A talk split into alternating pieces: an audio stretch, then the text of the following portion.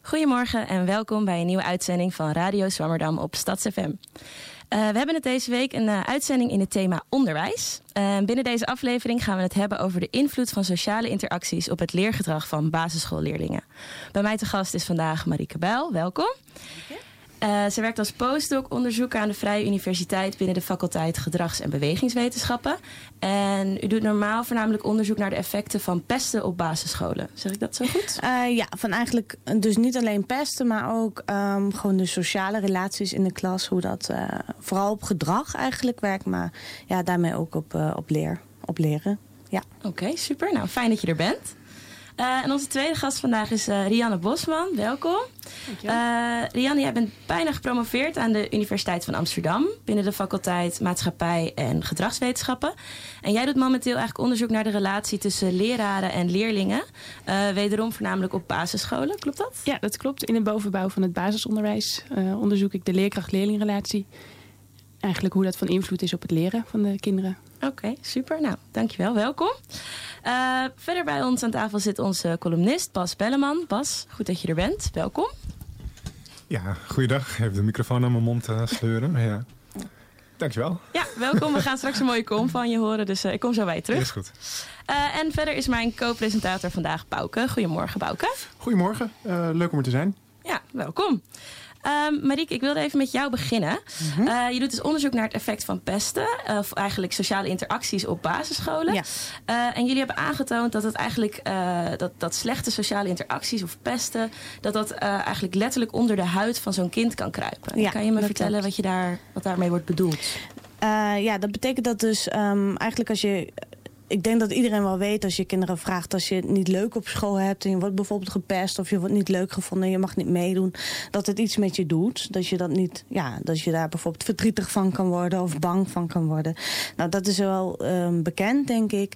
Uh, maar wij doen nu onderzoek, biologisch onderzoek meer... en we zien dat je ook echt reacties in je lijf hebt. Dus bijvoorbeeld als je kijkt naar hartslag... of als je kijkt naar stresshormonen... of als je kijkt naar zelfs hoe je genen werken... of hoe je brein werkt... dat je dus ook echt in je lichaam kan zien... dat uh, ja, dat, dat effect heeft. En eigenlijk wat wij denken dan negatieve effecten.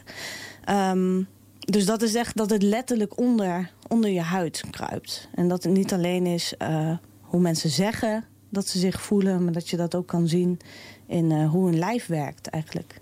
Dus ja, dat, uh, dat bedoelen we daarmee. Ja, dus ja. Echt, ja, echt letterlijk onder de huid. Ja. En dan uh, dus hartslag.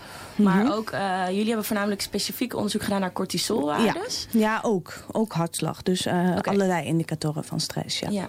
En kun je iets meer vertellen over wat er uit dat onderzoek is gekomen? Um, nou, normaal als je stress hebt, dus ik vind dit bijvoorbeeld een beetje spannend. Dan heb je norma je normale reactie is dat je uh, ja, een hormonale reactie krijgt. Dus je cortisol, dat is wat we noemen het stresshormoon. Dat um, stijgt na 20 minuten. Je hartslag gaat bijvoorbeeld meteen omhoog. Maar cortisol, dat is gewoon een normaal mechanisme. Dat stijgt normaal. En dat, gaat dan, uh, dat gebeurt ook gedurende de dag. En dan gaat het normaal weer naar beneden. En wat wij hebben gevonden is dat kinderen die op school niet zo leuk worden gevonden... Um, en dat was dus niet eens pesten, daar is voor gecontroleerd. Dus bovenop mochten ze gepest worden. Bo daarbovenop, als ze gewoon niet zo leuk worden gevonden... zien we dat die kinderen in het weekend meer stress hebben. Dus dat zij hogere levels van het cortisol hebben. En um, nou, daar kunnen we niet heel vergaande conclusies uit trekken. Maar waar het op lijkt is dat zij ja, al meer gestrest zijn. En dat je dat in het, in het uh, weekend in hun lichaam nog steeds kan zien. Ja, om... Uh, om, ja, om school waarschijnlijk, denken wij. Dat ze op school niet zo leuk worden gevonden. En dat ze daar zich dus druk om maken. Of dat dan bewust of onbewust is. Je kan het in ieder geval in hun lijf meten. Ja. Ja, en we hebben ook gevonden dat als je... Um, dat is nog niet uh, gepubliceerd. Maar dat zijn dus uh, ja, voorlopige resultaten. Dat als je ze uh, gestrest maakt. Dat is een beetje zielig, maar dat doen we dan. we brengen ze onder sociale stress. Dus we laten ze een presentatie geven. En dat weten ze niet van tevoren. En dan is er publiek. En dat publiek is helemaal niet geïnteresseerd. Dus dat loopt te, te gapen en weg te kijken en op een mobiel te spelen. En dus ja, dat geeft stress, omdat je, je vertelt een verhaaltje. En stel jij bent helemaal niet geïnteresseerd in mij, ja, dan geeft me dat extra stress. Dus dat doen we dan bij die kinderen. En dan zien we ook dat hun stressreactie niet is zoals dat bij andere mensen gaat. Dus zij hebben geen stressreactie. Terwijl de rest heeft een stressreactie. En dus dat wijkt ook af. En wat dat precies betekent, ja, dat is nog de vraag. Maar we zien in ieder geval dat het anders is dan ja, bij kinderen die wel leuk op school worden gevonden.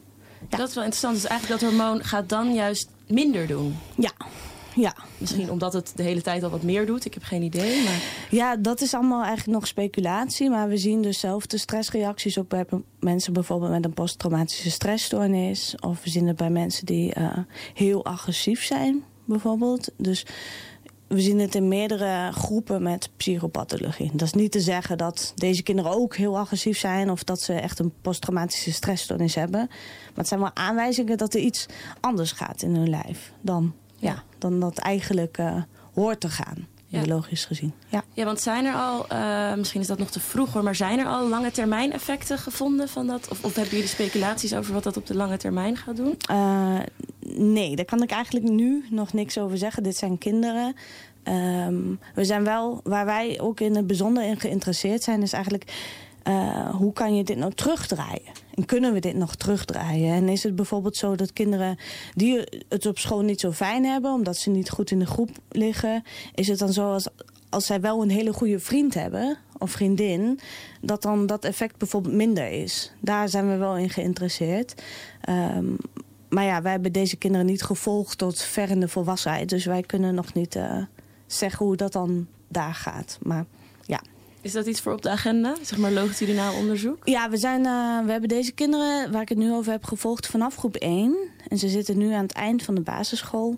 En we volgen ze ook nog tot op de middelbare school. Um, maar tot de volwassenheid zit er denk ik uh, niet in voor deze kinderen. Maar ja, dat is wel, uh, zou wel mooi zijn als andere onderzoeken dat kunnen doen. Ja. Mag ik, mag ik even iets vragen? Ja. Want het klinkt inderdaad wel een beetje zielig, dat uh, experiment.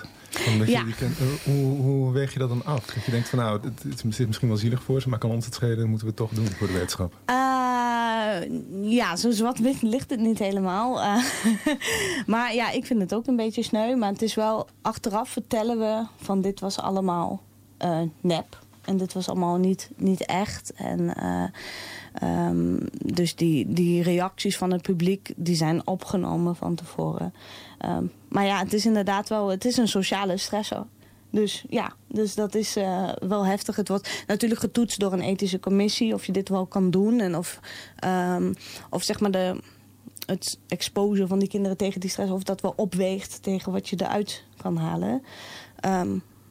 Ja, en dat vinden wij wel. En dat vindt ook de ethische commissie van wel. En hoe reageren ze dan na afloop? Een soort bananensplit? Uh, uh, nou, ik, ik heb dit, uh, deze experimenten niet gedaan. Dus ik ben daar niet bij geweest. Dus mijn collega Pia Beens heeft dat gedaan. Um, nou, we hebben in ieder geval niet gehad dat kinderen zwaar overstuur waren of zo. Dus dat, uh, dat niet. Dus dat is ook wel goed. Want als dat zou gebeuren, dan vraag je ook wel af van... is dit het wel waard? Um, ja. Dus de meeste kinderen vinden het achteraf wel oké. Okay. Ja, maar het is wel heftig. Ja, dat ben ik met je eens. nou, mooi. ja. Hey, en um, dus naast dat cortisol heb je dus ook uh, echt veranderingen. Daar was ik wel in geïnteresseerd.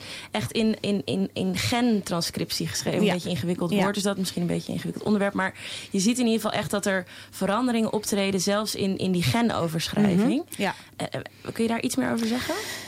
Ja, heel makkelijk gezegd zeg ik uh, eigenlijk van, van pesto, van naar ervaring op school, krijg je blauwe plekken op je genen.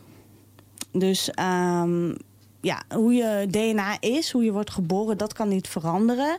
Maar wel hoe je DNA werkt. Dus stel, um, het DNA, de werking ervan. Stel, wij zijn allebei een lamp en onze functie is licht geven. En ik ben een gloeilamp en jij bent een TL-buis. En we geven allebei licht, maar jij doet dat feller. En dat is ons verschil in DNA. En methylatie, dus die gentranscriptie, dat zou dan zijn dat we een dimmer op de lamp hebben. Dus stel jij bent een TL-buis, maar jouw dimmer staat gewoon heel ver aan... dan geef je toch veel minder licht dan mijn gloeilampje. En dat komt door omgevingsfactoren. En een van die belangrijke omgevingsfactoren is stress. Nou, en niet leuk hebben op school, dat is heel stressvol. Dus dat kan uh, beïnvloeden hoe je DNA werkt. Dus hoe, hoe, je hoe wordt het gemeten eigenlijk? Dat, meten we, dat kun je in bloed meten, maar wij meten het in speeksel. Ja, omdat het kinderen zijn, dus we willen niet bij iedereen bloed afnemen. Dus ze spugen in een buisje. En dat doen ze dan uh, ieder jaar. Als ze mee willen doen, natuurlijk, wordt eerst gevraagd. En dan kun je dat meten. Dus uh, of er meer of minder methylatie is. En dat beïnvloedt dan hoe jouw genen werken. En dat onderligt waarschijnlijk ook dat hele cortisolverhaal... en die verandering in hoe je reageert op stress... en hoe je uiteindelijk je ook niet lekker kan voelen ervan. Dus, ja, ja. dus daar zit, die zijn ook wel gelinkt met elkaar, hoogstwaarschijnlijk. Ja, ik heb in dit onderzoek dat nog niet bekeken... maar wel in een sample in uh, uh, Engeland. Hebben ze een hele grote sample. Daar hebben ze kinderen gevolgd vanaf de geboorte. Dus daar hebben ze 15.000 zwangere vrouwen uh, gevolgd. Die kinderen zijn geboren en hebben ze gelijk in hun... Daar hebben ze wel bloed afgenomen van de navelstreng. Dus toen was er nog geen uh, exposure, zoals we dat noemen... tegen omgevingsfactoren. Ze zijn echt net geboren. En toen op zevenjarige leeftijd weer en op 15-jarige leeftijd. Um, zevenjarig waren ze nog niet uh, blootgesteld aan chronisch pesten. En ik heb toen kinderen onderscheiden die uh, statistisch gezien die chronisch werden gepest op de basisschool versus wie niet chronisch werden gepest. En je kan dan zien dat bij de geboorte was er nog geen verschil. Um, op zevenjarige leeftijd was er heel minimaal verschil, maar nog niet statistisch dat je dat kan aantonen dat het echt verschilt. Maar uh, in de adolescentie zagen we hoge verschillen in, ja, in die methylatie. En dat linkte ook weer aan de ontwikkeling van angst. Want ja, je, je kan daar hele sub, subsamples van maken. Dus mm -hmm. hoe groot is dat probleem? Hoeveel, hoeveel, mensen, hoeveel kinderen worden er chronisch gepest? Um, dat was in mijn sample toen ongeveer 7 procent. Dat is ook wat we in het landelijke onderzoek wat werkt tegen pesten. Dat is uh, ja, een interventieonderzoek geweest naar, naar programma's die pesten moeten terugdringen op de basisschool. Daar werd ook gevonden dat ongeveer 7 tot 10 procent van de kinderen meerdere malen in de week wordt gepest. Ja. Oké, okay, dat is best hoog. Ja. Um, is, dat, is dat gegroeid naar jullie weten? Of is dat, of is dat stabiel gebleven? Of verandert daar iets in? Um, nee, ik heb niet het idee dat het is gegroeid. Maar er zijn tegenwoordig wel andere vormen. Zoals bijvoorbeeld ook cyberpesten. Dus via uh, Facebook. Ja, Facebook is volgens mij niet echt waar kinderen nu mee op zitten. Maar via sociale media. WhatsApp, uh, Instagram, dat soort dingen. Dus het is, de soort is wel uitgebreid nu. Door de sociale media die er is. Ja. En um, ja, zeggen. Ja, want uh, ik ben nog, nog wel benieuwd. Want je hebt het nu over onderzoek in, in, in Engeland. Uh, waar ze mm -hmm. dus dit zo grootschalig hebben aangepakt. Maar waar, uh, waar werk jij zelf mee? Met wat voor, wat, voor, wat, voor soort, wat voor soort data, wat voor soort groepen kinderen heb je dan als, als, als onderzoek? Ja, wij hebben dus scholen in Nederland. Um, zitten vooral eigenlijk in de regio Nijmegen. En Winterswijk, dat is helemaal in het oosten. En in Fle Flevoland.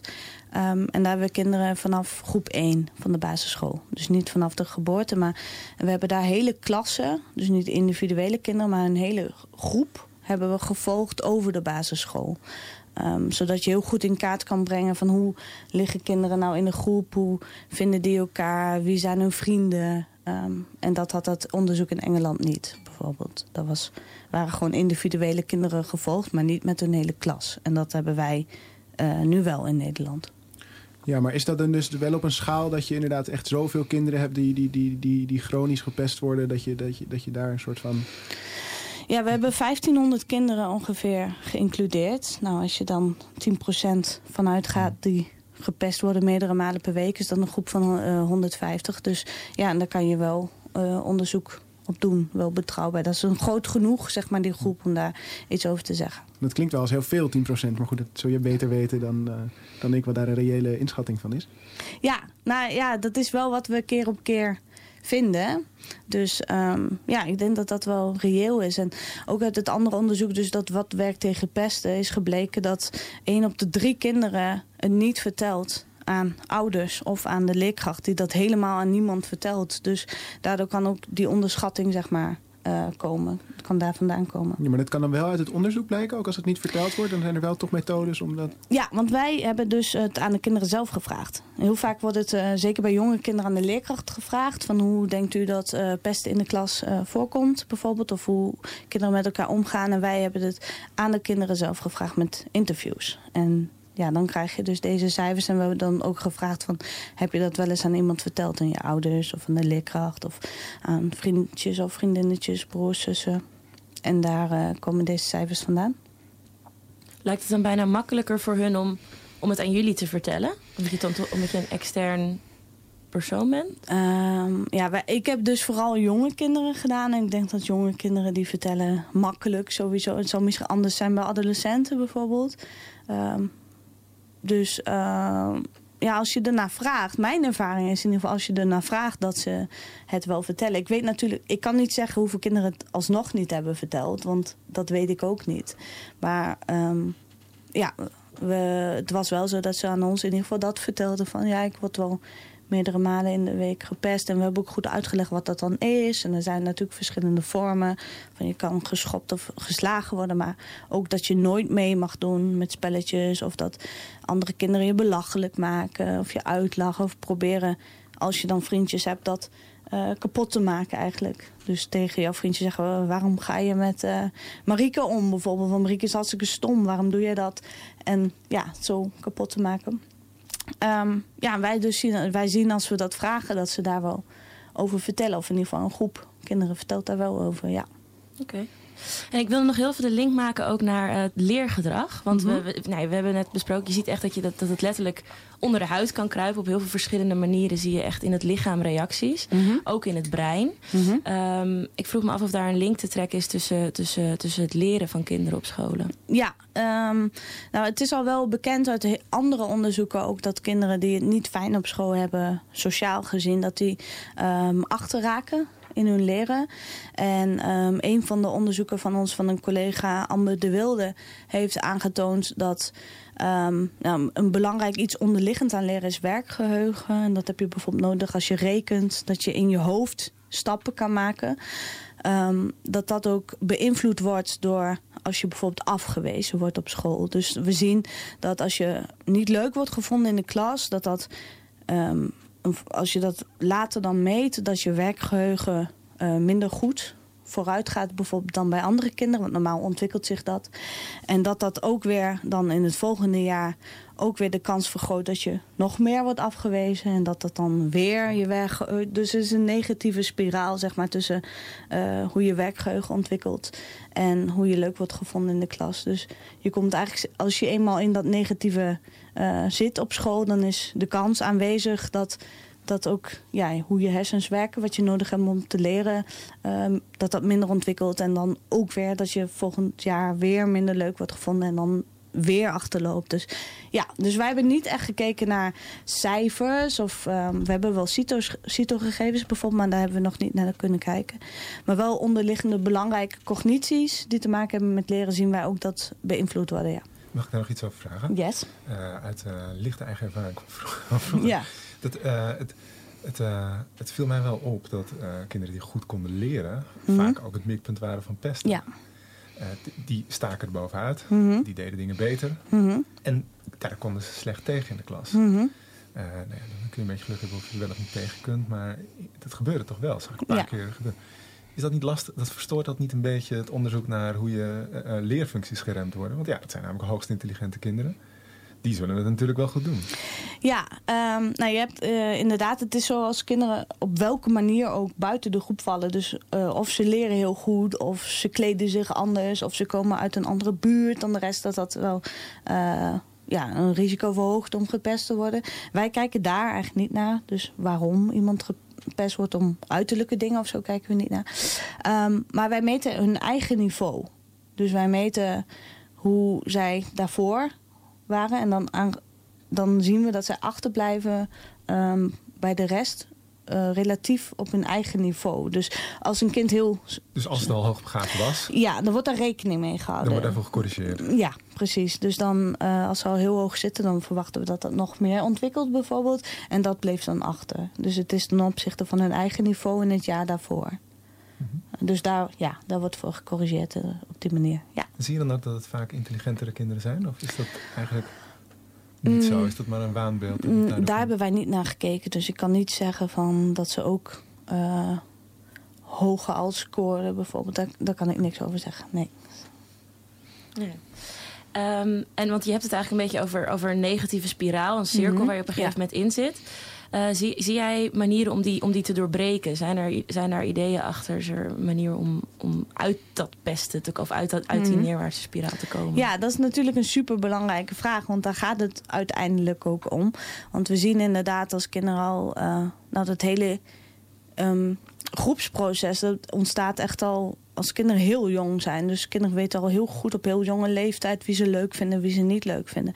En als je dan niet leuk wordt gevonden, in groep 1 bijvoorbeeld al, dan is de kans groot dat dat in groep 2 ook nog zo is en in groep 3 en groep 4. Maar, um, en ook later nog, soms zelfs uh, in de volwassenheid zie je dat nog. Maar inderdaad, uh, er zijn gelukkig factoren die dat kunnen onderbreken. Um, of wat de effecten in ieder geval kan verminderen. En er zijn nu wel programma's. Uh, nou, ik ga geen reclame maken, maar er zijn wel programma's die je op school kan doen. Uh, waardoor kinderen gewoon elkaar meer leren te accepteren. Dus dat wil niet, niet zeggen dat je dan iemand leuk moet vinden, per se. Want dat is heel moeilijk natuurlijk. Ik kan niet jou dwingen om mij leuk te vinden. Dat is iets heel persoonlijks. Maar dat je wel leuk met elkaar omgaat. En dus dat soort programma's zijn er wel. Daar kunnen leerkrachten ook een grote rol in spelen. Hoe het klimaat in de klas is. En dan zie je ook dat uh, de effecten minder... Dus de negatieve effecten van die uh, sociale relaties... dat die minder worden. Dus dus het, het, het kan wel. En wij kijken dan vooral uh, wat, wat de leerkracht op school daaraan aan kan doen. Ja. Oké, nou dat is wel een leuk bruggetje naar, naar onze andere gast. Dankjewel daarvoor. Uh, want Rianna, jouw uh, focus ligt op die leerkracht. Of in ieder geval op de relatie tussen de leerling en de leerkracht. Um, en jij kijkt eigenlijk naar uh, ook basisschool, of de bo dus bovenbouw basisschool, soort van. Um, en ik was wel benieuwd, als je het dan hebt over een goede relatie tussen een leerling-leerkracht, wat betekent dat precies voor jullie? Wanneer is iets een goede ja. relatie? Wanneer voldoet het wel aan de criteria goede relatie? Nou ja, hoe het in onderzoek vaak wordt onderzocht, is eigenlijk aan de hand van twee of drie begrippen. En het eerste is nabijheid, de mate waarin een leerkracht en een leerling eigenlijk voldoende vertrouwen in elkaar hebben. Uh, dat er sprake is van een open communicatie, dat er sprake is van warmte. Bijvoorbeeld dat de leerkracht de leerling begrijpt wat hij voelt, wat er in hem omgaat en daar adequaat op kan inspelen. Um, en eigenlijk wordt dat uh, ja, in de theorie ook wel gezegd dat er, uh, sprake is van een veilige relatie tussen de leerkracht en de leerling. En dat betekent eigenlijk dat de leerling de leerkracht als een veilige basis of veilige haven kan gebruiken. Want stel, je bent overstuur door iets. Um, Misschien word je wel een beetje gepest door andere kinderen. Dan wil je eigenlijk dat er een figuur is in de klas waar je bij terecht kan. Um, op het moment dat je die stress ervaart. Uh, en dan denken we dat als je dus een veilige relatie hebt met je leerkracht, dat je die leerkracht ook als veilige basis kan gebruiken. En daarnaast is het eigenlijk ook dat als er een soort figuur is in de klas uh, waar je bij op je gemak voelt, dan kan je eerder de schoolomgeving omgeving gaan exploreren. Dan ben je misschien benieuwd naar andere dingen. Wil je eigenlijk leren? En is er ook een mogelijkheid om tot leren te komen? En daarentegen staat eigenlijk een ander begrip wat vaak wordt gebruikt en dat is conflict. Um, en je kan je voorstellen dat als er veel conflict is in de relatie, dat er veel negatieve interacties zijn, dat er wantrouwen is of dat er onbegrip is, um, dat een leerling die leerkracht niet als veilige basis kan gebruiken. En dat betekent dat als een, um, nou ja, bijvoorbeeld als er veel uh, negativiteit is of uh, je voelt je niet helemaal lekker, dan kun je niet meer rekenen op de steun van die leerkracht. Um, en dan gaat dat eigenlijk in een negatieve spiraal door. Bijvoorbeeld doordat je zelf wat gedragsproblemen hebt uh, als kind. Um, daar de leerkracht niet helemaal adequaat op kan reageren. Uh, waardoor er een beetje onbegrip ontstaat. Waardoor je misschien als leerkracht een beetje geïrriteerd raakt. Um, waardoor eigenlijk die relatie meer, ja, meer negatief wordt dan positief. En dat, is eigenlijk hoe we leerkracht-leerling-relaties ook onderzoeken. Dus door die begrippen van nabijheid en conflict eigenlijk ja, uh, verder, daar verder naar te kijken. Ja, dus je wil eigenlijk uh, hoger, hoger op nabijheid en lager op conflict ja, dat zou het mooiste zijn. Het zijn natuurlijk wel aparte dimensies. Dus het kan natuurlijk voorkomen dat er uh, heel veel nabijheid in zo'n relatie, veel warmte is. Maar dat er ook wel wat conflicten zijn. En eigenlijk uh, het belangrijkste is dat die leerling, die leerkracht ziet als een veilige basis, een veilige figuur waar die naartoe kan op het moment dat er stress is, maar ook als je gaat leren dat je het vertrouwen er is, dat er iemand is die naar je kijkt en die een beetje en je ondersteunt daarin. Ja, want als ik het goed begrijp, heb je dat eigenlijk nodig als basis. En vanuit daar kan je dan gaan je verder gaan ontwikkelen. maar zonder die, zonder die initiële basis wordt het voor zo'n kind echt lastig om, ehm, om verder te leren. En, uh... Ja, dat klopt eigenlijk wel. En dat is de, theorie, de gehechtheidstheorie die vooral komt uit de oude kindliteratuur. Dus het gegeven dat je als kind een ouder hebt waar je op kan steunen... Um, maakt dat jij je voldoende kan ontwikkelen tot mens. En we denken eigenlijk dat dat ook voortgezet wordt in de, in de leerkracht-leerlingrelatie op school. En nou is die band natuurlijk minder exclusief en minder duurzaam. Dus er zijn vast heel veel verschillen ook tussen. Maar het idee dat, uh, dat er iemand is die ik emotioneel en ook cognitief kan ondersteunen, denken wij dat bijdraagt aan het, uh, ja, aan het leren op school. En, en wat zijn de effecten als dat dus minder goed gaat? Laten we zeggen lagere nabijheid en meer conflict. Wat, wat, wat zie je dan in die kinderen? Um, nou, wat er eigenlijk uit onderzoeken is gebleken, en ook vooral grote onderzoeken die meerdere onderzoeken samen hebben gecombineerd, uh, blijkt dat eigenlijk als er meer conflict is in de relatie en minder nabijheid, dat leerlingen minder betrokken raken met uh, bij school. Dus eigenlijk minder motivatie hebben om daadwerkelijk het leren op school aan te gaan. En daardoor ook dat de prestaties daardoor verminderen. En daarnaast vinden we ook op leerkrachtniveau weer andere dingen, zoals dat de leerkracht wat meer stress ervaart en misschien wat machtelozer in, in het omgaan met verschillende leerlingen is. Dus er zijn eigenlijk verschillende factoren die daarop van invloed zijn. En als je kijkt naar de leerling, dan wil je natuurlijk dat hij zich goed voelt op school, dat hij zich kan ontwikkelen, dat de cijfers goed zijn en dat hij goed kan doorstromen naar bijvoorbeeld het middelbare onderwijs. Maar dat, het, dat een ja, negatieve leerkracht-leerlingrelatie wel kan bijdragen dat die betrokkenheid en die prestaties uh, verminderen. Ja, want ik had even met dat doorgaan naar het, naar het uiteindelijk middelbare onderwijs. Ik las ook dat het te veel kan zijn, die nabijheid. Dus dat er eigenlijk een, een, uh, een te grote dat eigenlijk de kinderen iets te afhankelijk worden, zou ik willen zeggen, van die, van die leraren. Waardoor ze daar uiteindelijk later toch weer last van krijgen. Ja, we, onderzoeken ook vaak, eh, als het gaat om leerkracht-leerlingrelaties, uh, de, eigenlijk de overmatige afhankelijkheid van de leerling op de leerkracht. En dat is eigenlijk wanneer een leerling um, niet denkt dat hij het altijd zelf kan en daardoor voortdurend de leerkracht opzoekt, terwijl dat eigenlijk helemaal niet nodig is. En op dat moment wil je als leerkracht juist meer uh, de, de leerling in zijn eigen kracht zetten, eigenlijk meer autonomie geven. Uh, maar op het moment dat, dat, die leerling de hele tijd bij je komt, dan kan dat natuurlijk dat wel in de weg staan. Dus we denken inderdaad dat eigenlijk als kinderen opgroeien, dus als ze ouder worden, dat ze minder de steun van de leerkracht zoeken, maar misschien wel meer bij hun, bij hun leeftijdsgenoten. Um, maar eigenlijk, en dus dat is wat we eigenlijk denken. De, in, ja, er is wat minder onderzoek gedaan naar die afhankelijkheid, dus die overmatige afhankelijkheid. Dus we weten eigenlijk nog niet heel goed hoe dat zich ontwikkelt over die tijd. Um, maar wat mijn eigen onderzoek eigenlijk heeft uitgewezen is, als die leerlingen juist meer overmatig afhankelijk worden van die leerkracht, dat eigenlijk ook daar die prestaties uh, van verminderen. Dus eigenlijk wil je juist dat er misschien een beetje stabiel is. Of dat het aan het begin hè, misschien een kind wel wat meer afhankelijk is van die leerkracht. Maar dat dat misschien over de in de loop van de tijd wel wat afneemt. En dat dan en je het idee hebt dat die leerling um, zelf voldoende tools heeft om, uh, om tot leren te komen. Ja. Oké, en is er, is er ook een bepaalde groep, uh, ja, laten we zeggen een soort risicogroep? Een groep die, die meer kans heeft op een hoger conflict en een, en een uh, lagere nabijheid? Ja, er zijn wel uh, inderdaad risicofactoren voor zo'n ongunstige leerkracht-leerlingrelatie. Um, er zijn ook al echt wat veel onderzoeken over gedaan. Dus wat, waar, wat er meest naar voren komt, is dat kinderen met ge, uh, gedragsproblemen, en dan vooral naar buiten gericht gedrag, uh, externaliserende problemen, dat die zorgen voor veel conflicten in de relatie.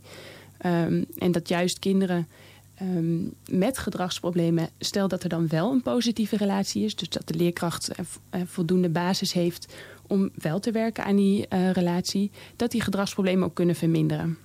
Dus eigenlijk als je wel gedragsproblemen hebt en die relatie is ook nog negatief, dan is dat eigenlijk extra negatief voor de ontwikkeling. Um, dus en vooral die gedragsproblemen, die externaliserende gedragsproblemen zijn een risicofactor, maar ook eigenlijk internaliserende problemen. Dus dat zijn problemen die eigenlijk het kind die van binnen zijn. Dus die niet heel erg naar buiten gericht zijn in de klas. Dus die niet verstorend zijn, hoeven te zijn in de klas. Maar we ervaren daar dat leerkrachten minder weten over ehm, ja, wat er in zo'n kind omgaat. Dus minder begrijpen wat er in een kind omgaat. En dat daardoor de relatie ook wat negatiever kan zijn.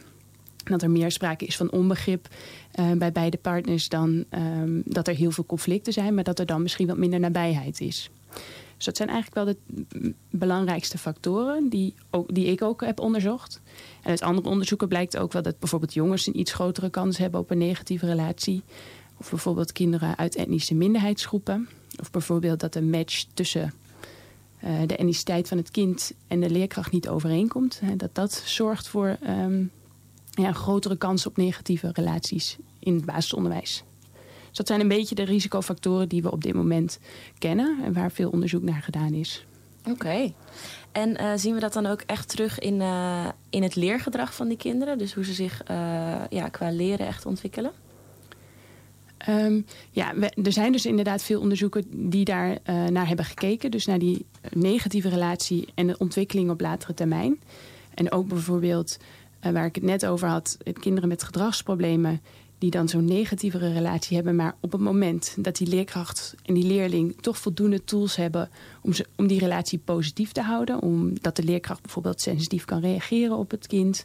En dat het kind ook daadwerkelijk um, een vertrouwensrelatie opbouwt met die, met die leerkracht. Dat die gedragsproblemen dus minder worden en dat die betrokkenheid op school weer groter wordt.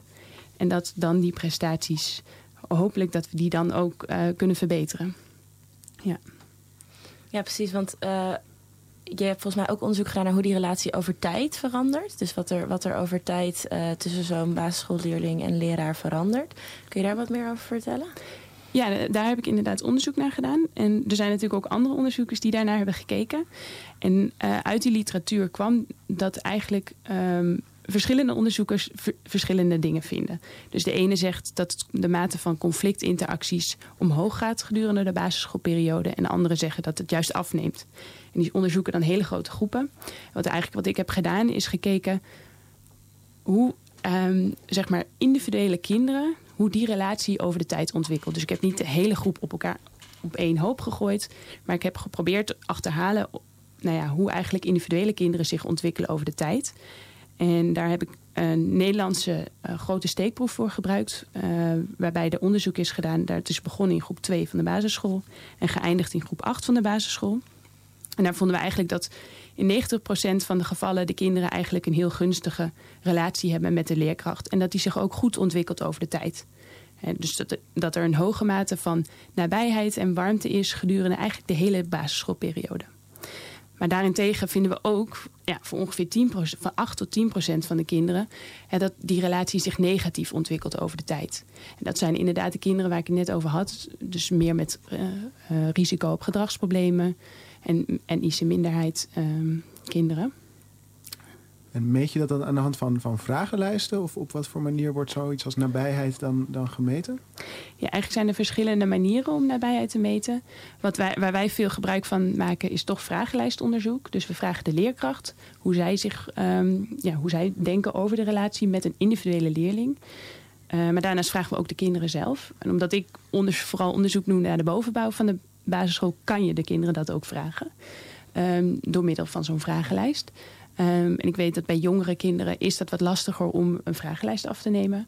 Maar maken ze een paar collega's van mij zijn bezig met bijvoorbeeld relatietekeningen. Dus dan vragen ze of, de, of ze, de of ze zeg maar, zichzelf kunnen tekenen samen met de juf of met de meester. En vervolgens gaan, nemen die onderzoekers die tekeningen allemaal mee naar uh, de universiteit. En die gaan ze dan coderen op heel veel verschillende kenmerken. Um, dus er zijn verschillende manieren eigenlijk om die relatie in kaart te brengen. Uh, maar in mijn onderzoek gebruik ik vooral uh, vragenlijsten. Ja. Een grappig beeld van onderzoekers die met een bundel kindertekeningen onder hun arm terug gaan naar de universiteit. Maar... Ja, daar hele wetenschappelijke analyses op los gaan laten. Ja. Zeker. Nee, leuk. Hey, en je bent op het moment bezig met een uh, interventiemethode te ontwikkelen... die eigenlijk een uh, soort van die relatie zou moeten bevorderen. Dus of gewoon goed zou houden, of maar in ieder geval... en mocht hij wat minder goed zijn, hem ook beter uh, kan maken. Kun je daar wat meer over vertellen? Ja, zeker. Ja, eigenlijk onderdeel van, het grootste onderdeel van uh, mijn proefschrift is dat ik een interventie onderzoek. En dat is leerkracht-leerling interactiecoaching.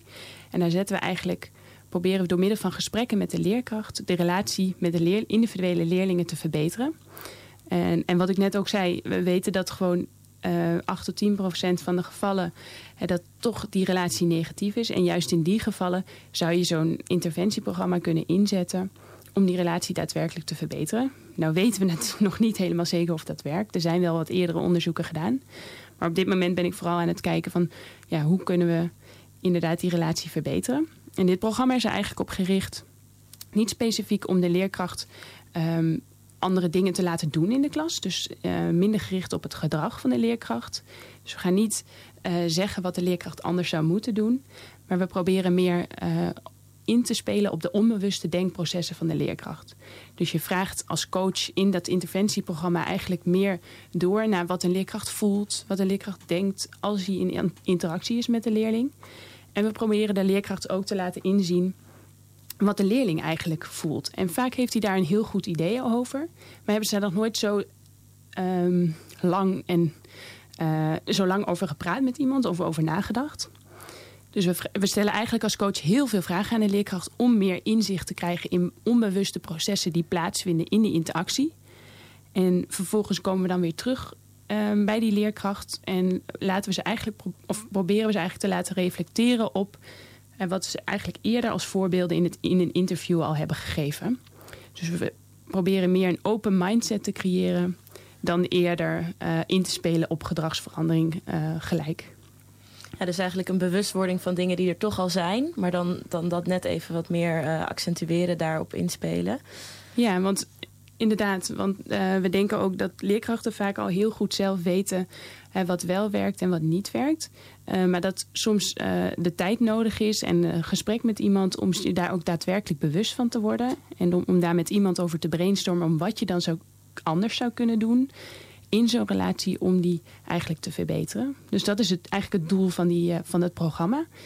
Um, en het, doel nu is om dat, uh, om dat te onderzoeken op de effectiviteit daarvan. Dus we hebben het afgelopen jaar heel veel scholen in heel Nederland bezocht vooral leerkrachten bezocht om die interventie af te nemen. Dus we hebben gevraagd van, aan leerkrachten... Uh, met wie in de klas heb je nou een moeizame relatie? Merk je dat, het, dat er veel negativiteit is? Of weet je niet zo goed wat er in de leerling omgaat? Nou, wil je dan met die leerling of over die leerling eigenlijk dit uh, interventieprogramma doen? Uh, en dan gaan we eigenlijk kijken of, of daar uh, positieve resultaten uitkomen door middel van vragenlijsten. Um, ja, om te kijken of dat heeft gewerkt. Dus het is wel in die zin leerling-specifiek vaak. Je, ja. je, kiest echt één leerling waarmee je dat dan... Dus is, je bent niet dat op klopt. een klas aan het reflecteren met die leraar... maar echt op de, op de specifieke leerling. Ja, dat klopt. Het gaat echt om die diadische relatie... dus tussen de leerkracht en één individuele leerling. Nou laten wij ze eigenlijk over twee leerlingen reflecteren. En het doel daarvan is eigenlijk omdat je voor iedere leerling... eigenlijk een bepaald interactiepatroon hebt. Dus voor iedere leerling zal dat een beetje anders zijn... Maar je hebt als leerkracht ook wel bepaalde dingen die je voor iedereen misschien gebruikt. En door te reflecteren over twee verschillende leerlingen, over de relatie met twee verschillende leerlingen, krijgt de leerkracht misschien ook inzicht in van, maar wat is dan mijn aandeel in die relatie? Om te kijken van waar, waar gaat het nou mis of waar kan ik mezelf nog in verbeteren? Dus het gaat wel over individuele relaties, maar uh, we proberen toch ook een beetje te generaliseren naar andere leerlingen in de klas. Uh, dus wat we ook hebben gevraagd aan leerkrachten is om vier leerlingen te selecteren. Vervolgens hebben wij er twee van geselecteerd, waar de interventie dan uh, over ging, over deze twee leerlingen. En we hopen eigenlijk dat de effecten die we vinden voor de ene twee leerlingen waar de interventie over ging, ook misschien wel doorwerken naar de andere leerlingen die de leerkracht heeft geselecteerd. Nou, dat is wel allemaal nog dat onderzocht moet worden natuurlijk. Maar we hopen inderdaad dat die leerkracht daar zich misschien meer bewust uh, van wordt. En zijn het dan ook uh, idealiter leerlingen met waar, waar toch al een beetje een slechte relatie mee is? Of nou, idealiter, ja. Ja, dat zijn wel inderdaad, de, uh, de leerkracht heeft wel de die leerlingen geselecteerd waarmee die het gevoel waar, heeft. Dan. Ja, waarmee die het gevoel heeft dat dat een beetje is vastgelopen of moeizaam is. Um, daarentegen hebben we ook leerkrachten geselecteerd die um, dezelfde vraag kregen voorgelegd. Dus ook vier leerlingen hebben geselecteerd, maar die niet de interventie hebben gekregen. Dus dat is echt onze controlegroep. En om ook daadwerkelijk te kijken, ja, heeft ook daadwerkelijk die interventie ervoor gezorgd dat um, uh, die relatie verbetert of niet. Of niet ja. gewoon tijd of andere factoren. Precies, ja. ja. Oké, okay, nou super, dankjewel. Interessant. Um, ik denk dat het tijd is voor onze column. Ehm, dus uh, Bas, wil je nog iets zeggen voordat je begint? Of ga je er... Ja, nee, dit, dit doe ik, ik, doe het toch parlando. Dus ik, uh, het, is, het, begin is sowieso uh, Helemaal goed. gebabbel. Ja, ik heb, ik heb kleine kinderen zelf. En we vragen me natuurlijk ook constant af of ik nog even een briefje naar de juf moet sturen. Of toch even met die ene ouder moet gaan praten of niet. maar er zijn ook wel eens momenten dat ik denk... luister, het is hier vrede. we hebben een goed huwelijk, mijn vrouw en ik we mishandelen ze niet. Wat kan er eigenlijk misgaan? Want er, zijn tijden geweest dat er hongersnood was in de wereld, dat er oorlog was. Ze groeien eigenlijk op in een paradijs. Al het andere is gerommel in de marge, denk ik dan wel eens. Ehm, natuurlijk, in de praktijk werkt het niet zo. Dan ga ik toch van alles doen, maar toch. En ik moest daar wel aan uh, terugdenken dat uh, in die moeilijke tijden, in de middeleeuwen, uh, speelde die vraag natuurlijk ook.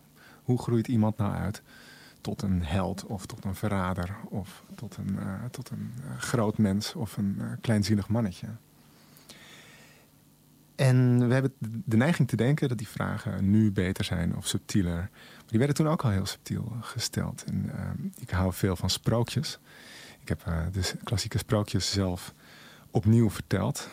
en zag toen de hele tijd wat een schitterende dilemma's die mensen bespraken. En wat een uh, wat voor vragen er bij hen leefden. En ik moest nu denken aan uh, een klein duimpje waar de honger uitbreekt en het gezin niet meer weet hoe ze zich moeten redden.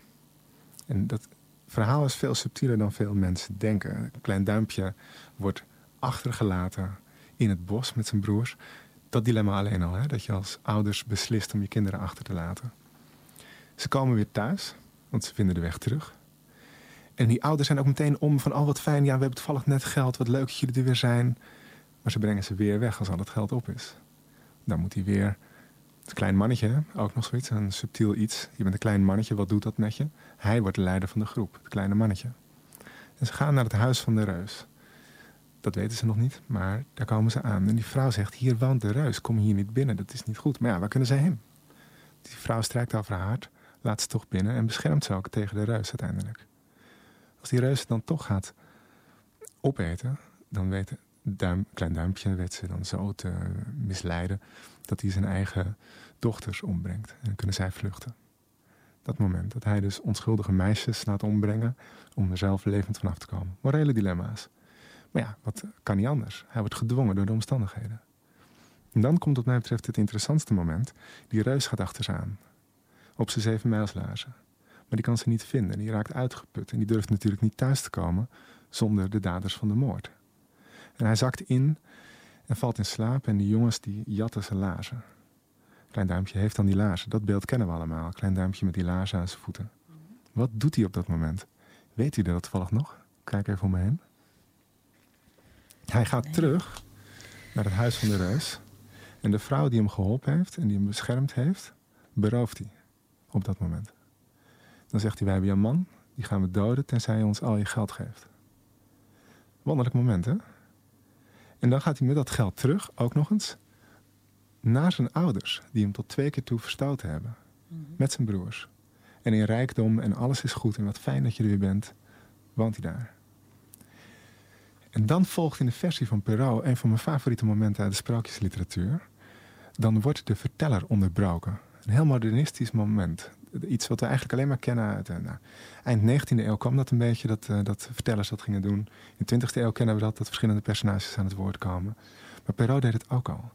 Want er is iemand die het niet eens is met de afloop van Klein Duimpje. En die staat dan op. In mijn versie klinkt dat dan zo.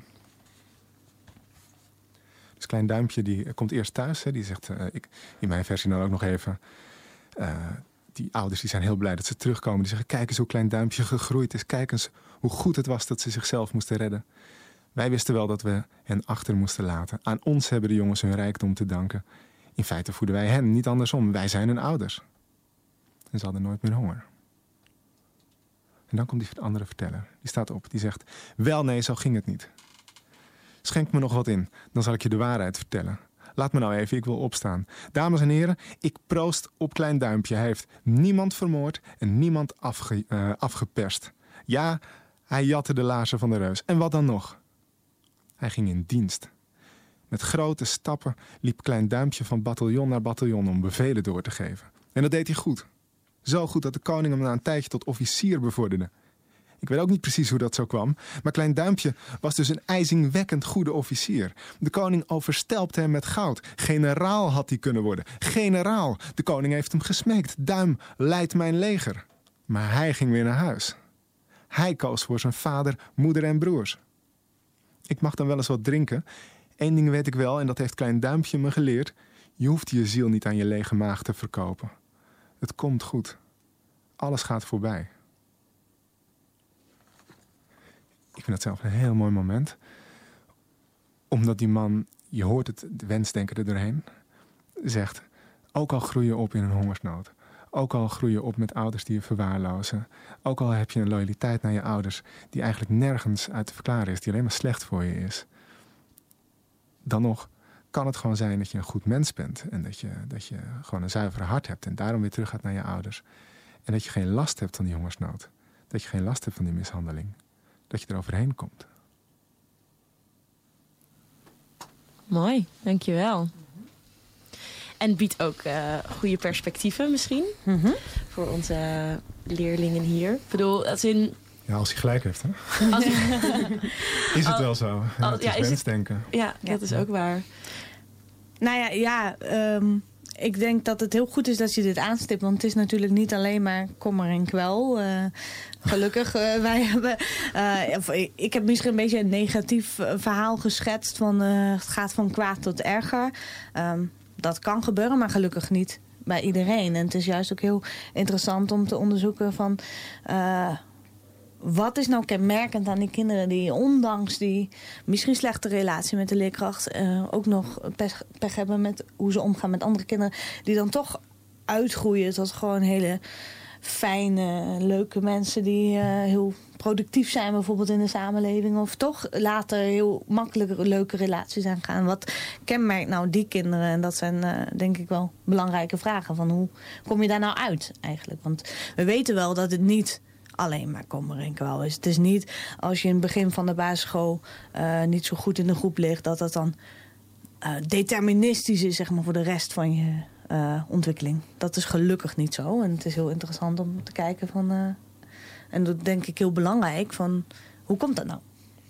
Ja, dus ik denk dat dat wel goed is dat je dat aanstipt. En ook vooral, je zei ook dat die ouders zich eerst die eer een beetje wouden toekennen van de komt rond. En ja, wij ja, hebben het ja. kind, uh, terwijl dat... Een beetje junker gedrag, hè? Die hebt de, de, de, de, junk die wegloopt met je fiets en dan zegt hij, waarom heus niet stelen hoor? Mm. Weet je dat, dat je je kinderen wegstuurt en dan zegt van, oh, maar ik deed het voor jou. Ja.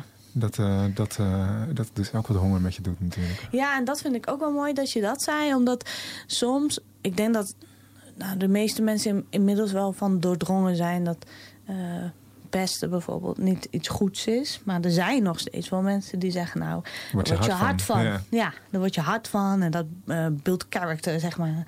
Dus daar word je een, een, een kerel van of uh, een stoere vrouw. En, nou, dat kan in sommige gevallen. Maar ik zou zeggen, ons onderzoek laat zien over het algemeen... Uh, dat dat niet zo is. En dat dat... Uh, nou, in ieder geval niet iets positiefs is of zo voor mm. kinderen. Dus maar goed, ja, je hebt altijd uitzonderingen um, waarbij dat wel kan zijn. Maar over het algemeen zou ik zeggen van niet. Dus. Ik vind het wel mooi dat je dat zegt, inderdaad, dat ze, dus ook, dat ze daar dus ook uit kunnen komen. Ja. Is dat ook iets wat echt onderzocht wordt? Van wat zijn nou factoren? Welke kinderen komen er nou, ondanks weet je wel, een, een stuntelige basisschoolperiode, wat toch een hele cruciale leeftijd mm -hmm. is, zou ik zeggen. Hoe, hoe, hoe, hoe, ze daar dan toch weer uitkomen? Is, is daar onderzoek? Ja, wij kijken dan vooral binnen de klas. Wat dan, we noemen dat beschermende factoren. Dus wat, wat kan je dan beschermen eigenlijk tegen de negatieve effecten van uh, bijvoorbeeld gepest worden of niet leuk gevonden worden. Um, wij zien dat vriendschappen bijvoorbeeld heel belangrijk zijn. Dus als je, ondanks dat je in de klas toch gepest wordt, als je dan een vriend hebt, toch nog een vriend of een vriendin, dat dat wel helpt. En uh, dat, dat uh, die relatie dan de negatieve effecten daarvan kan verminderen. Of bijvoorbeeld een goede band met de leerkracht. Of een goede band heel erg goed met je ouders. Dat zijn wel allemaal beschermende factoren, zoals we dat noemen. Um, ja, en dat heet dan ook uh, of je veerkracht hebt. Dus of je ja, daarmee om kan gaan. Er zijn nog meer dingen, persoonlijkheidskenmerken of ja. Het is wel, wat ik zei, die, die, die leeftijd is vrij, vrij cruciaal. En daar zit mhm. ook meer veerkracht, als ik het goed heb. Dus die kinderen kunnen nog vrij, uh, vrij goed aanpassen en kunnen nog een hele hoop kanten op. Klopt dat ook? Is dat wat jullie. Of... Ja, het is wel meer hoe langer in de ontwikkeling het niet goed gaat, kan je misschien ook wel voorstellen hoe lastiger het wel weer is om daar uit te komen. Maar je hebt bepaalde transitieperiodes, zoals we dat noemen. Dat is bijvoorbeeld als je van de basisschool naar de middelbare school gaat. Dat kan voor sommige kinderen echt een nieuwe start zijn, waarin het ineens ja, wel soepel loopt. Dus ehm, ja, dus zo heb je belangrijke uh, transities in, in het leven. Um, ja, dus dat is eigenlijk wat ik er ja, over kan zeggen. Ik moest even nadenken over die transitie. Want dat is eigenlijk met leer, als je denkt aan leraar-leerling interactie, is naar de middelbare school gaan natuurlijk een heel groot verschil. Ja, Want klopt. je hebt natuurlijk het één leraar, of in ieder geval voor twee jaar heb je dezelfde leraar. En dan ga je naar de middelbare school en dan valt dat eigenlijk weg. Je hebt wel een mentor. Ja, het eigenlijk veel meer verschillende leerkrachten die je in een korte, veel kortere tijd natuurlijk gedurende de week ziet. Dus die relatie zal ook een beetje veranderen. Uh, maar eigenlijk, en dat is ook wat we verwachten, dat, eigenlijk de, dat er minder nabijheid bijvoorbeeld is in die relatie. Als je minder tijd met een leerkracht doorbrengt of dat je heel veel verschillende leerkrachten hebt. En meestal weet je ook wel vanzelf van je eigen middelbare schoolperiode dat je met de ene leerkracht echt wel een klik had en met de andere gewoon helemaal niet. Dat er misschien wel minder van invloed is op, uh, op hoe je het in het algemeen doet op school, maar misschien wel voor een specifiek vak. Nou, mijn collega Deborah Roor daar doet vooral onderzoek naar de um, relatie, de leerkracht-leerlingrelatie op de middelbare school. En eigenlijk wat zij vond in een grote meta-analyse, dus een grote review van allerlei studies, vond ze eigenlijk dat ook in die middelbare schooltijd die relatie minstens zo belangrijk is. Um, en waar dat hem dan precies in zit, dat moet nog wel echt verder onderzocht worden. Dus is dat, is dat inderdaad de mentor bijvoorbeeld, waar je wel uh, misschien meer persoonlijke gesprekken ook mee voert? Of is dat misschien de leerkracht van het vak dat jij het leukst vindt? Of um, misschien wel wat jij het moeilijkst vindt. En dat zijn allemaal dingen die nog onderzocht moeten worden. Maar, en dat die relatie op de middelbare school ook belangrijk is, is dat weten we eigenlijk al wel. En vooral dat een positieve relatie bijdraagt aan betere prestaties en meer ja, betrokkenheid bij school. Oké. En qua pesten, dan nog even om ook de. Mhm. Is dat, is dat ook iets wat, wat, wat anders is op de middelbare school? Is daar een andere vorm van? Um, nou, ik, ik uh, doe nog geen onderzoek naar de middelbare school. We volgen nu wel kinderen tot in de middelbare school. Dus ik kan er niet een hele harde uitspraak over doen. Maar ik weet bijvoorbeeld wel dat uh, meer het fysieke pesten... dus schoppen slaan, kinderen duwen... dat dat wat af lijkt te nemen. Meer gaat naar het relationele gebied. Wat misschien dus ook minder goed te zien is voor leerkrachten. Dus dat gaat over ja, dat belachelijk maken, roddels vertellen over iemand... zodat diegene uh, ja, slecht in de groep komt te liggen. Uh, manipuleren van vriendschappen. Dat soort dingen lijken dan juist als kinderen ouder worden meer voor te komen. Oké, we gaan bijna afsluiten. Ik wilde nog heel van jullie vragen, misschien wat we de komende tijd nog uh, van jullie kunnen verwachten. Ik bedoel, jij bent nog aan het analyseren. Welke, mm -hmm. welke, wat, welke data verwacht jij nog? Wat kunnen we van jou in je onderzoek nog verwachten de komende tijd? Uh, ja, ik zit vooral op het um, methylatiegebied. Dus dat is hoe je genen uh, gaan werken. We hebben nu net de data van het lab binnen. De, we hebben ze dus al heel lang gevolgd, maar nu pas komen die resultaten binnen. En um, het gaat nu vooral op re repliceren van eerder onderzoek. Want uh, nou ja, we hebben wel eens gevonden dat we biologische effecten vonden in het lichaam in één onderzoek. En dat was dan helemaal gehyped en uh, helemaal belangrijk. En dan bleek als je dat dan verder ging onderzoeken dat dat niet weer werd gevonden. Dus het is nu vooral kijken van vinden wij dat nou ook? Um, vinden we ook een uh, doos-effect-relatie. Dus als, het, als je meer wordt gepest, dat je dan ook meer veranderingen ziet. En ook uh, kunnen we terugdraaien. Dus als iemand bijvoorbeeld een goede, hele goede vriend krijgt of heeft, um, wordt het effect dan minder. Dat zijn allemaal vragen die er nog liggen nu. Ja. Oké, okay, spannend. We houden het in de gaten. ja, Dankjewel in ieder geval voor je komst. Uh, Rianne, wat kunnen we nog van jou verwachten? Nou, ik hoop in ieder geval binnen het jaar resultaten te kunnen presenteren van de interventie die we hebben onderzocht en die mijn promotor heeft ont ontwikkeld. Uh, dus dat vooral. Dus hoe we eigenlijk die negatieve relaties uh, kunnen verbeteren naar positieve relaties en dat leerlingen en leerkrachten eigenlijk zich beter voelen op school. dus dat is voornamelijk mijn, zal mijn onderzoek de komende tijd zijn. Oké, nou succes. Um, dank jullie wel. En de eindtune loopt al, wat betekent dat we helaas moeten gaan afsluiten. Uh, we hebben het vandaag gehad over de rol van sociale interacties op leren en ook op de ontwikkeling van kinderen. Uh, en ik denk dat het heel goed is dat jullie hier zijn geweest. Uh, het zijn naar mijn idee best wel nog onderbelichte onderwerpen. Of het is in ieder geval veel zwaarder dan dat ik ook altijd dacht. en ik denk dat het heel belangrijk is dat mensen zich hier meer bewust van worden. En van wel, zowel dus de kracht als het gevaar van sociale interacties, zou ik willen zeggen. Uh, nou, en aan tafel zaten Marieke Bel en Rianne Bosman. Dank jullie wel voor jullie aanwezigheid en succes met jullie onderzoek. Uh, onze columnist was Bas Belleman. Bas, nogmaals bedankt voor je mooie verhaal. en mijn co-host was Pauke. Uh, later vanmiddag kunt u de hele uitzending uh, via onze website op www.radioswammerdam.nl terugluisteren. Of via de podcast op iTunes, Soundcloud of waar je het liefst een podcast terugluistert. Uh, like ons op Facebook, volg ons op Twitter en Instagram. En wil je reageren op deze uitzending, vinden we dat superleuk. Stuur een mailtje naar redactie.radioswammerdam.nl. en tot volgende week. Mijn naam is Geertje Thijsma en u luistert naar Radio Zwammerdam. En we wensen u voor nu een fijne zondag.